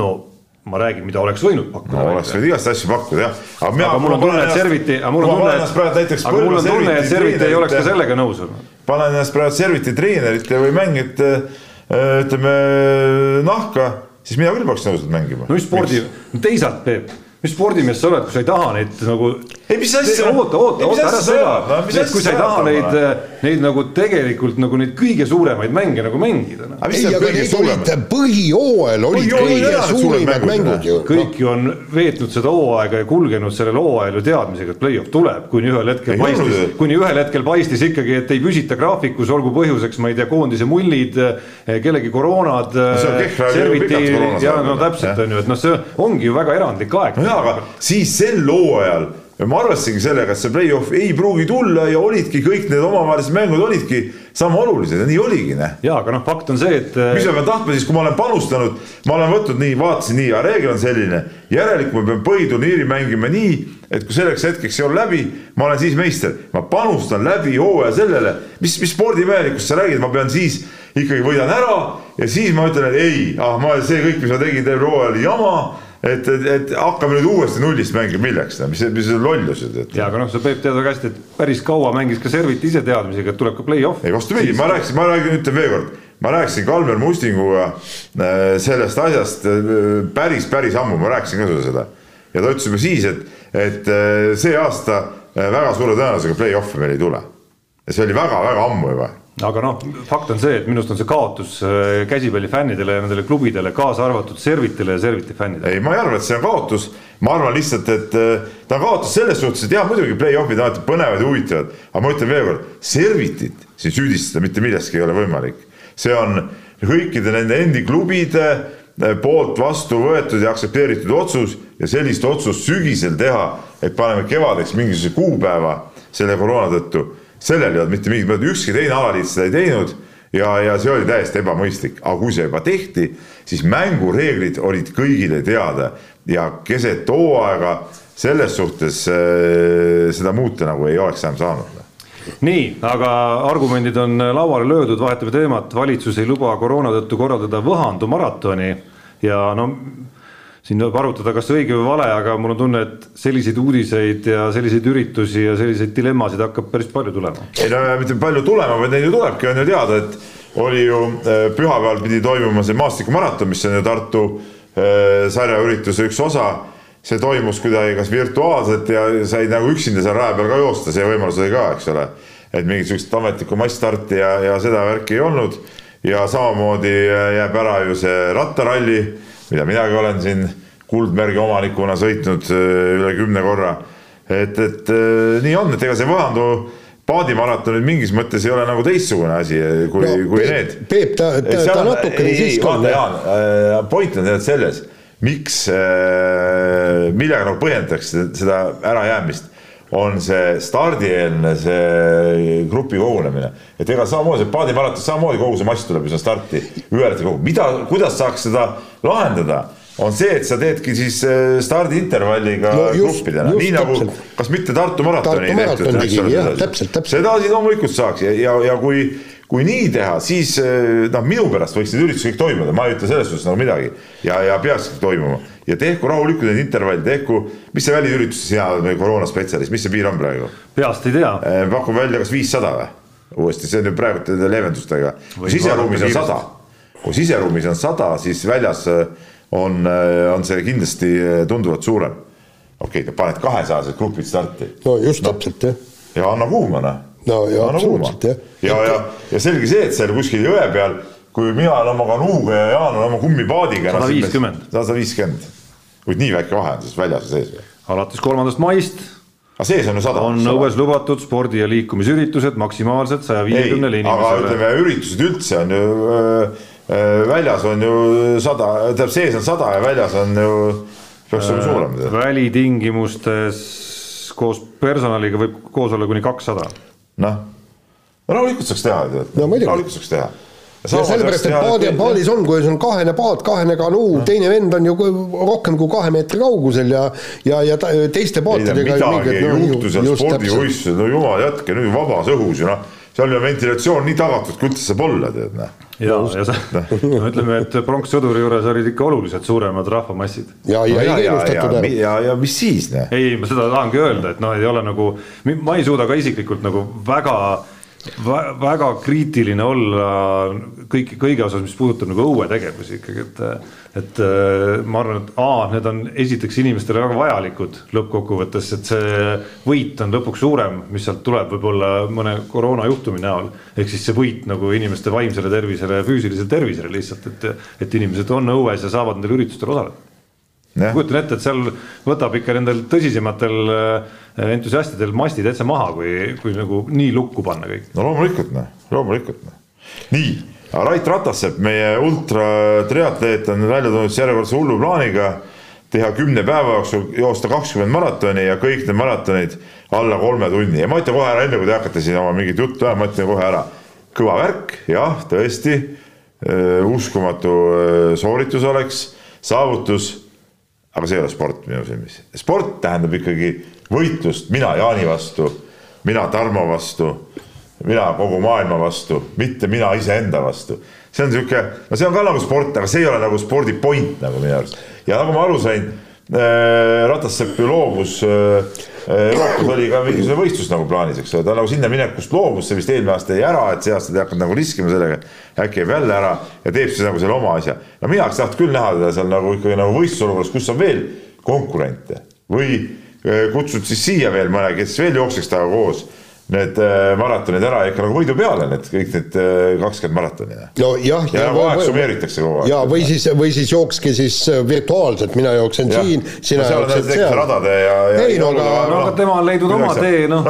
lihtsalt selge on see. tore, aga see on show. ja aga ta teeb seda, eks ta teeb seda ju enda jaoks ilmselgelt. no jaa, aga mis enda jaoks, noh. no aga sa ei pea, see võib sulle korda minna, ei pea sulle korda minna. aga mis me siin hõiskame siis ka? ei, seal on üks, üks asi, mis, mis, mis Hoiskame. nagu na, seda asja leevendab. ma olen põhimõtteliselt sinuga nõus, aga just see ajapiir et kui seda ajapiiri ei oleks, et umbes ma, ma jooksen lihtsalt kakskümmend maratoni öö, kümne päevaga. ka siis muidugi päris kõva, aga ajapiir, ma saan aru, Jaan, ma saan aru, see ajapiir, aga see on ikkagi ainult võistlus iseendaga, no see on sama hea, kui ma võtan selle Tarmo telefoni, palju ma suudan seda nüüd minuti jooksul edasi-tagasi liigutada, no mis selles suhtes nagu noh, see on nagu iseendaga lihtsalt tead noh no selle jah, see võrdlus võib-olla kõige parem nüüd ei ole, lihtsalt äh, jah, põhimõtteliselt ja et te siin hädaabikõnet praegu ei hakka tegema, tuuakse tullakse sulle nagu otse järele siit praegu.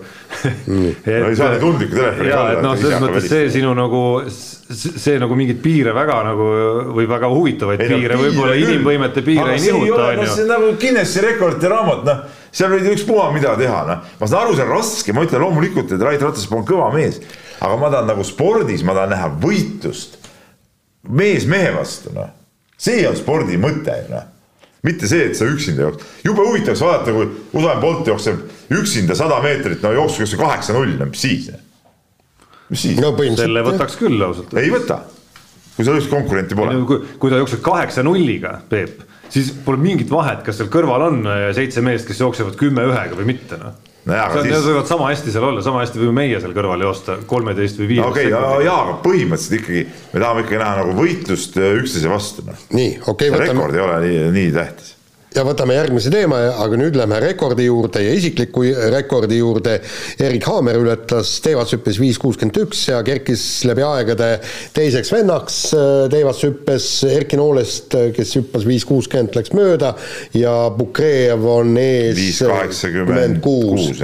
nii, aga ma olen seda teevashüpet ammusest ajast jälginud sellest peale, kui ma Kalevi spordihallis, seal, kus praegu korvpalli mängitakse, kergejõustikutrennis käisin Tšika juures ja siis seal oli Ülo Üter, Peeter, kes, eh, kes hüppas, hüppas teivast ja seal oli ka kõik teivashüppe mm, tellingud ja kõik, kõik sealt oli jube äge, äge, ise ka proovisime aeg-ajalt hüpata, meil oli väiksed laste, lasteteivad ka.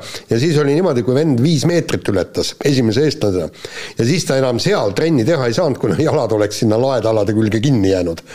et, et, et see oli niisugune huvitav ja, ja kuidagi see ja, ja vot, vot, vot see, see on nüüd äh, mees, kellele ma tõesti tahaks nagu äh, kõvasti kaasa elada, kelle tegevust jälgida, sellepärast et praegu viis kuuskümmend üks on juba niisugune tulemus, et, et sealt annaks joonistada, just, annaks joonistada võib-olla paari-kolme aasta pärast viis kaheksakümmend pluss ja, ja see juba tähendaks seda, et, et on. sa oled igal võistlusel nagu, nagu konkurentsis. ja, ja siis. mitte okei okay,, hea, sa pead asjad ülikõva, eks ole, aga ütleme siukses, noh, kuidas ma ütlen nagu äh, tava, ütleme, osalejana oled sa igal pool nagu oleksid nagu pildis nagu. aga no sinna on minna veel päris palju. aga kõige selle juures hakata praegu mõtlema, Bukreevi viis kaheksakümmend kuus oli ikka, tegelikult oli võimas tulemus. muidugi oli, muidugi oli.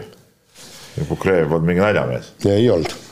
aga kiire vahemängu lõpetuseks äh, FC Flora tasus nelikümmend seitse tuhat sada kakskümmend neli eurot äh, FC Kuressaare ehk siis justkui oma konkurendi liikmemaksu. praktikas, eks me muidugi teame, et Kuressaare on üks nendest klubidest, mis, mis on justkui Florast välja kasvanud või, või nagu antud liigutus näitab, siis endiselt äh, puhtalt ikkagi tütarklubi.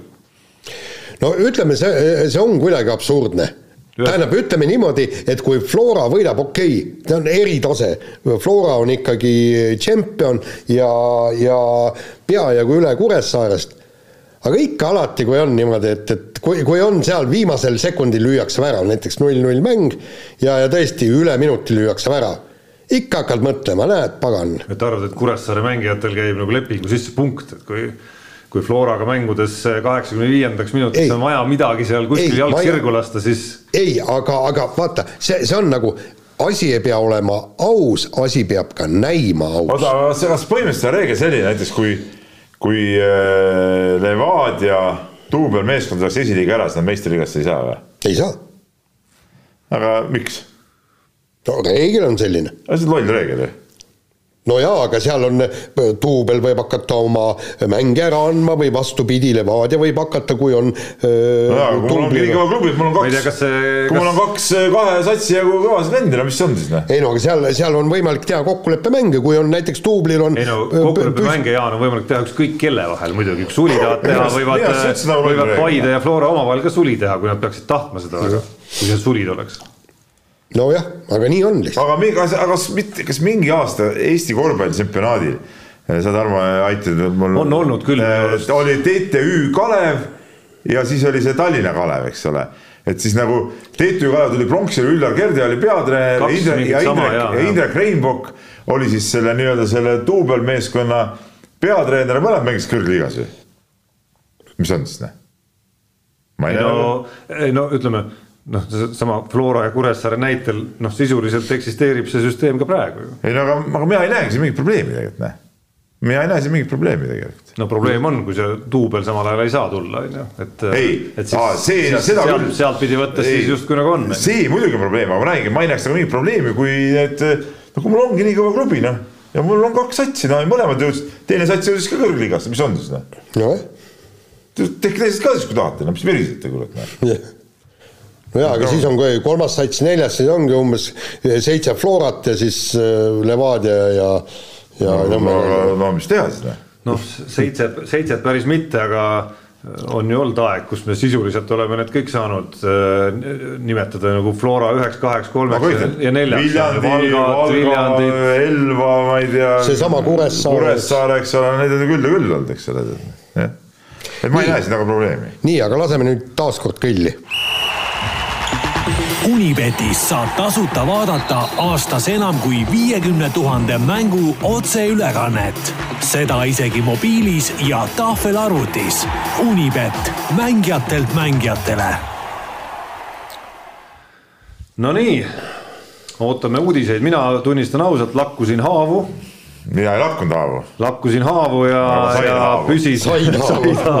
ja, ja, ja vähemalt pääsesin uutest haavadest, tõsi, mul on siin kiusatus hirmsasti kohe teha üks panus, aga ei saa veel teha. no mina võin ära rääkida oma nii, räägi oma lugu ära. Ma läksin püüdma nagu suurt kala. Eh, ma läksin niimoodi, et võtsin korvpalli Euroliiga enne viiendaid mänge ja panin nende peale, kelle võite ma tahtsin. Aga ma ei tahtnud ühte, ma ei tahtnud, ma ei julgenud ära sõnuda siis nagu Barcelona seda võitu, selle ma jätsin välja. ma panin äh, Reali ja panin Bayerni äh,. Need kokku pandud koefitsient kümme, no kümme no., come on. ega palju puudu ei jäänud ju. panin kümpa peale muidugi sinna, noh aga noh. see oleks olnud muidugi üks äh, meie saate selle mängu ajaloo üks magusamaid, kui mitte kõige magusam võit tegelikult. see oleks, oleks sellise magus selles, et oleks võitnud need, keda ma tahtsin, kes võidavad pluss ma oleks, ütleme teile siin nagu ütleme, võinud natuke, kes, kes, kes laenu oleks tahtnud, kes laenu oleks tahtnud, ma oleks võinud isegi niisama anda ilma laenuta nagu natuke raha jagada. Aga noh, need tutkib pratted, no ja nüüd on nagu. no see efektsus. nüüd nagu ütleme verd pursku saamast. no ma ütleks, et äh, oleksitest ei ole mõtet muidugi rääkida spordis eriti, Peep, nagu sa tead väga hästi, on ju, aga kui oleks siiski läinud ja et siis, siis see efektsus, mis äh, antud asjal oleks olnud veel seeläbi, mismoodi Müncheni Bayern oleks saanud selle mängu võita, on ju, ehk siis mis oli minut kümme enne lõppu mis see vahe oli nüüd seal, oli kaksteist lausa või oli, või oli kaheksa või oota, mul, mul on natukene. ühesõnaga jah, see, see oli juba selline, kus põhimõtteliselt nagu sai juba mõelda, et eh, no ülekande lõpetamise peale sai juba tegelikult suundutud sisuliselt, aga, aga siis hakkas juhtuma. ja, ja kusjuures Realil olid ka ju võtmed käes juba korra ja, ja üks no, kolmene oleks no, no, mööda läinud Kronoslav Simonil ja. no enne seda kolmest oli nendel ju rünnak ju.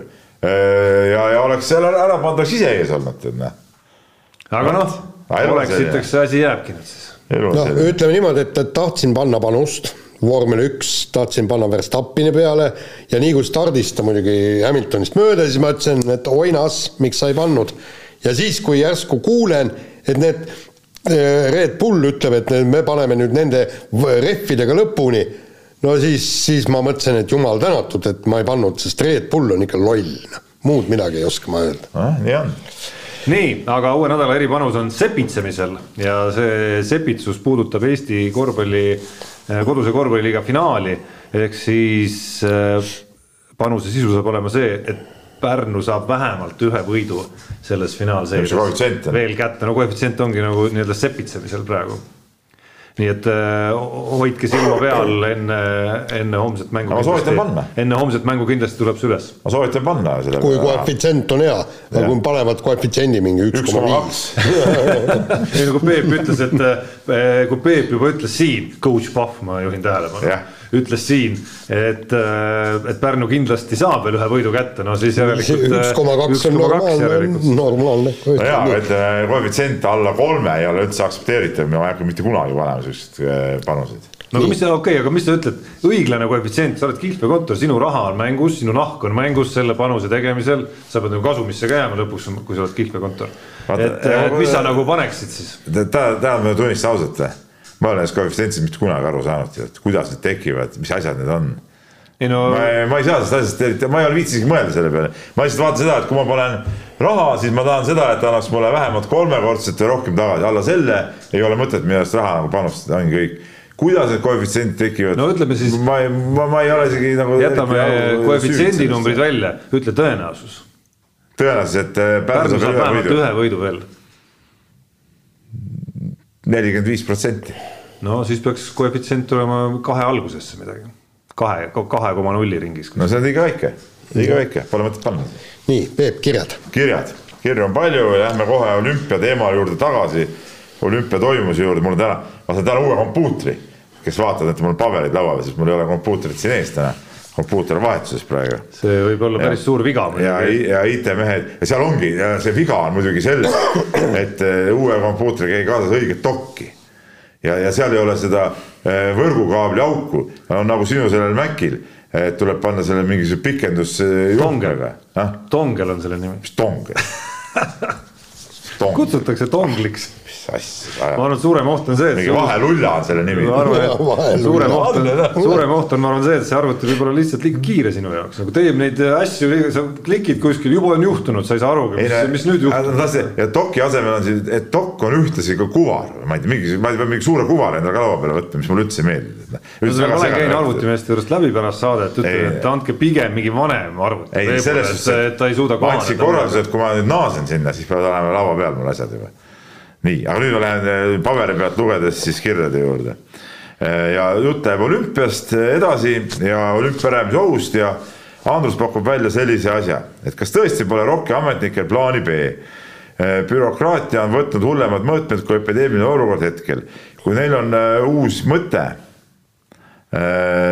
ametnike puhul on see erakordne ja kuigi ja kui, kui ka midagi välgatab, on ohu kolmnurk vaja juurde lisada, mis on väga õige tähelepanek muidugi, siis peaks juba tegutsema.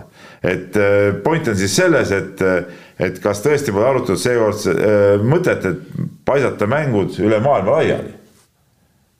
et noh, et kui Jaapan ei taha, siis ei taha, eks ole jaa, aga miks mitte, jah. ei, ei no ammu oleks võinud, ma tean, Peebule ei meeldi see mõte, aga me elame, me elame, me elame, elame ikka väga erandlikul ajal ka, Peep. aga see ei ole olümpia enam. ei, aga selles ei ole, selles mõttes nagu. sellel võistlusel, mis toimub näiteks kergejõustik Londonis, äh, jalgrattasõit äh, kuskil Pariisis, äh, ma ei tea, ujumine USA-s see ei ole olümpia ja sellel olümpial on null väärtust. sama hästi. null väärtust. Peep, mine räägi, tähendab. miks see võistlus on siis olulisem kuidagi kui mõni muu võistlus, mida laiali pressitakse? Peep, kuule, mine ütle seda sportlasele kellel jääbki olümpial võistlemata. aga see osal jääb ikka võistlemata, sest et olümpiat kui sellist sellisel juhul ei toimu. sama hästi võib Peep öelda, et see ei ole ainult see võistlus. Peep, sama hästi võib öelda, et see, mis seal ikkagi kõige kiuste võib-olla toimub tühjade staadionide ja, ja kõikide asjades, et ka see, ka see ei ole õige olümpia, igal juhul ta ei ole nagu päris olümpia, millega me oleme harjunud et küsimus on lihtsalt, mis variandiga see üldse saaks toimuda. ja mind ei huvitaks see karvavõrdki selline. mina tunnen, mina tunnen, sorry ma tunnistan ausalt minu huvi ei vähendaks see nagu karvavõrdki, kui need oleks, kui need oleks kõik erinevatesse kohtadesse paisatud. sellepärast ta vähendab minu jaoks, jaoks nagu MM-võistlused lihtsalt. MM, selle ala MM on siin, tolle ala seal, aga ta ei ole olümpia. kui selline olümpia on ikkagi üks suur kompleks, kus on kõik koos see on spordipidu, ta ei oleks. telerist vaadates sa ei saa isegi aru, et midagi teistmoodi oleks. oota. millest sa Tarmo räägid, sa oled ikka nii põhimõttelage nendes asjades. Peep, kuule, kui sa võtad sportlase seisukohalt, siis väga paljud tippsportlased on ju niimoodi olümpial e-, esinenud, no ütleme niimoodi, kui see võimalus on, et sa ei pea olema mullis. Nad elavad kuskil eemal tulevad võistlema, nad ei, nad ei astu jalga ka sinna olümpiakülla. ma tean, ma tean, just, ja, ja, ja tema jaoks, tema jaoks on tähtis see, et seal on koos maailma parimad. no on nagu mingit vahet. ja kui ma võidan, ma saan kaela olümpiamedali. miks siis sellisel juhul olümpiamedal on väärtuslikum kui MM-medal, kui sa sedasi tead, seda teed? ei noh, sest see on olümpiamängud. aga, aga mängud, vot see ongi, näed, sa ise ütlesid ka välja, olümpiamängud, mängud toimuvad siin ja, ja mängud, ma juhin tähelepanu, Peep, on ka olnud väiksemas mahus niigi hajutatud, noh, isegi olümpiaregatt toimus äh, Moskvas tuhande kilomeetri kaugusel. see on oma olemuselt tegelikult suhteliselt totter, aga selle põhjus on see, et muidu ei saakski äh, selline riik, kus äh, veekogu ei ole või selline linn, kus veekogu ei ole, ei saaks ka olümpiat korraldada, eks ole. see on nagu arusaadav. ja aga, aga teine muide absurdne on ju see, et olümpiamängude nii-öelda konkurents aladel, näiteks võta vehklemine, on palju nõrgem, kui on äh, MM-il või EM-il no okei okay,, EMM nõrgem kui, sellepärast et seal on ju niivõrd vähe võistlejaid MM-il. olümpia saaks ajada palju ägedamaks ja suuremaks tänu sellele. ei, suuremaks ei ole vaja, kõik ei, sama, sa ei. sa saad vehklemises, no see on nagu totralt, totralt veider nagu sõel tegelikult näiteks vehklemise näitel. sa ei pea sellist ei, tegema lihtsalt. ja, aga kui nüüd on tehtud, vaata seal ongi see, et sa võitled öö, poolteist või kaks aastat võitled selle nimel, et üldse sinna olümpiale saada. selle nimel, et olümpiale saada. aga see, kui see toimub siin ja kõik saavad peale, siis ei ole olümpia. jah, jah. ei, ma ei öelnud, et kõik peavad peale saama. ärge nüüd ütle sõnu välja. ütle, Tarmo, mille poolest see vehklemise sinu meelest olümpiaturniir erineks siis MM-turniirist? sest et äh, esiteks tegemist on olümpiaga. ei, aga mis see vahet siis on? see on olümpiamängud esiteks. samal ajal toimuvad kõik. kus olümpia tuli? oota, oota kõikides kohtades kasvõi alguse saanud täpselt samast kohast Ateenast äh, olümpiamängude hängis. ütleme niimoodi, kui, kui on valida, kas jätame olümpia ära või viime selle üle, üle maailma laiali, mina valiks üle maailma laiali. mina valiks ära jätmist, sest et see ei oleks olümpia. sul ei ole tavaolukorras, ei..., mitte kunagi korraga palju olümpiaalasid on meil kakskümmend kaheksa. mingi mitukümmend, kolmkümmend umbes ümmarguselt. sul ju kunagi ei ole korraga kõikide alade maailmameistrivõistlusi käimas ja kui ühel hetkel sul oleks korraga küll eri paikades käimas see, siis see ongi see, mis ühendab neid kõiki, lihtsalt geograafia ei ole see, mis neid ühendab. nojah, aga see ei ole see. okei okay,, võta järgmine kiri. Tarmo tahab kõik asjad ära lõhkuda lihtsalt, et noh, kõik põhimõtteliselt tahab ära lõhkuda see ongi see tänapäeva noorus. võib-olla vajabki vähe lõhkumist, et noh. ja, ja, ja toome, toome breiktantsu, toome tõukeratastega ja põlvik, põlvikutest sõitvad poisikesed sinna. sa võid taguda ja. küll ja sinu jaoks ongi olümpia endiselt nagu A ja O, aga noh, praktikas spordimaailmas ja me näeme, et pigem selle väärtus kahaneb jah, kogu aeg. ja sport üldse muutubki minu jaoks nagu tühiseks. ja aga see, et sa hoiad kinni sellest, et tingimata ühes kohas kõik needsamad alad, ega see, see nagu kasuks. aga ma ütlen, Tarmo, sport on minu jaoks muutunud suhteliselt tühiseks asjaks juba sellepärast, et nendest äh, traditsioonidest ei peeta kinni. kui igasugune tilulilu muutub nii oluliseks, onju ja kui sa ütled, et, et olümpia vajas ka reformimist, et viskame siis klassikalist olümpia, siis see ei ole olümpia. ja mina keeldun sihukest asja kajastamast, üldse selle asjaga tegelemast näiteks. Noh. ja, ja, ja no. põhimõtteliselt siis sinusugused tulevad noored ja mingisugused uus põlvkond, las, las teevad, aga, aga mind see mäng enam ei huvitaks näiteks, no ja nii ongi. Noh. nii, lähme nüüd kirjadega edasi. teadlane Priidik kirjutab, ma loodan, et te olete vastust kõik välja otsinud äh, on räägitud sellest, et nii-öelda maal kasvanud sportlastel on tänu maatööle eriti hea kehalise võimekuse põhi, mille peal on siis parem ehitada oma sportlaskarjääri. samas tippspordis või selle lähedastes tasemetes rääkides, tasemetest rääkides on treenimisvõimalused muidugi kõige paremad linnades või otse öeldes Tallinnas. kumb on siis kasvatanud rohkem tippsportlasi viimase paarikümne aasta jooksul, kas linn või maa ning kas on selle perioodi jooksul olnud märgata teatavat nihet ehk teisisõnu, kas praegu on lootusandvate noorte hulgas mõni, kes on pärit maalt. muide, ma olen no meie suurim olümpiamedali lootus on maalt pärit, ma ütlen. no ei, absoluutselt, aga muide, ma tahan selle, ma olen kunagi ammu sellest ka artikli kirjutanud.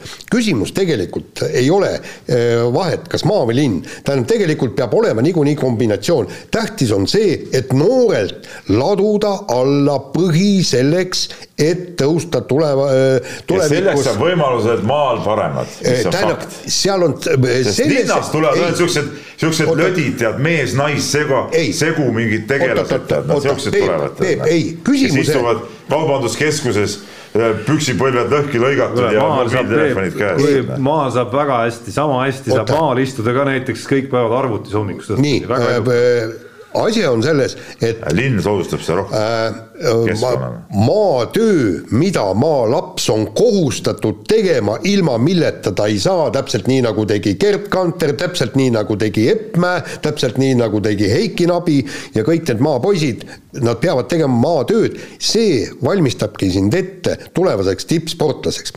Äh, Soome teadlased on Äh, paika pannud, et selleks, et seitsmeteist, kaheksateist aastaselt äh, hakata taluma tippspordi koormusi, peab laps alates kuuendast-seitsmendast eluaastast tegelema päevas liikumisega keskmise või suure koormusega kolm koma viis tundi päevas. Ja maatöö, kui sa tõesti hangud heina või, või teed seal, lõhud puid, see läheb kõik sinna alla, aga vaata Äh, kuskil mingi hängimine, see ju ei lähe sinna alla. ja kui me vaatame linnalapsi, Anett Kontaveit, kes veetis kõik oma päevad tenniseväljakul, sai oma selle kolm koma viis tundi kõik kokku ja oli, on ka teised linnainimesed, tähtis on just see, et kolm, vähemalt kolm koma viis tundi.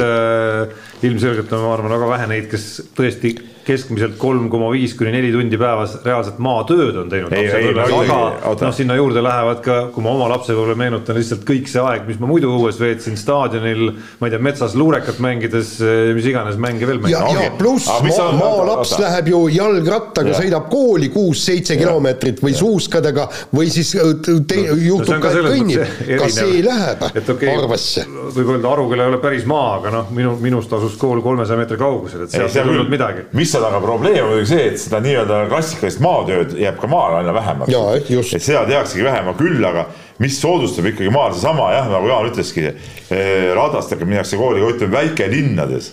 noh, ma ei tea siin Tallinna koolide juures, ma ei ole väga siin muidugi käinud, aga ma ei usu, et siin on eh, koolide ümbrusel ratastest pungil nagu vaevalt, eks ole. ratastest mitte jah, aga mingites kohtades lastest on küll pungil näiteks. ei, vaat ma räägin praegu see, kus kooli tullakse, aga näiteks võtame isegi väike linn Keila, seal on niimoodi, et, et rattaid on nii palju, et nad ei mahu sellesse rattaparklasse ära, seal on pandud igale poole mujale kettidesse mingitesse postide asjade külge, et, et sealt tulevadki. Ja, ja kuna kuna ka need, ütleme, väikelinnad arenevad, eks ole, on need niisugused eh, individuaalelamused, normaalne inimene elab individuaalmajas, eks ole, ja individuaalelamust tulevad inimesed tulevad kaugemalt ja peavadki rattaga tulema sealt paar no kaks, kolm või neli kilomeetrit ikka sõidad ära, tead noh. ja, ja, ja see on just see liikumine, mis on nagu põhiline. Ja mis veel on nagu oluline, näiteks just maakohtades, väikelinnades, eh, noored ja lapsed kogunevad ikkagi õhtuti ka staadionil, okei okay,, seal on ka debiilikud, kes seal teevad lollusi, eks ole, joovad, lagastavad, eks ole, nendele tuleks panna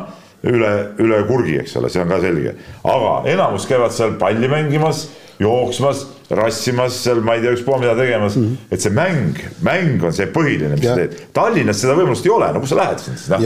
või, või, või, või siis teine asi näiteks maa, maakohtades, kui nad kogunevad näiteks ujumiskoha juurde ja, ja nad ongi päev läbi päev seal. läbi ongi seal noh ja mees on see, kes sealt vette hüppab, eks ole, kes ujub seal, möllab, eks ole, tead, see on nagu, kus sa siin Tallinnas siis, mis teed siin siis, noh. Elan, elan kesklinnas, tead, või, või elan, elan siin äh, suur kalamaja, kaboid on need kõik no,, eks ole äh, ma noh, ma arvan, et nii sina kui mina räägime nüüd asjadest, millest me selles mõttes ei tea, et oled sa vaatamas käinud, noh et kas, mis. Nad võivad ju Pirita randa minna, nad võivad minna sinna Pikakari randa, kes elavad Kalamajas no, ja nii edasi. ei lähe need ja noored, ja samamoodi on seal neid. Need noored kogunevad siin ütleme, ütleme, ma hakkan rattaga minema, lõpan Jaani juurest läbi, sinu juurest läbi, seal veel Soonvaldi juurest läbi.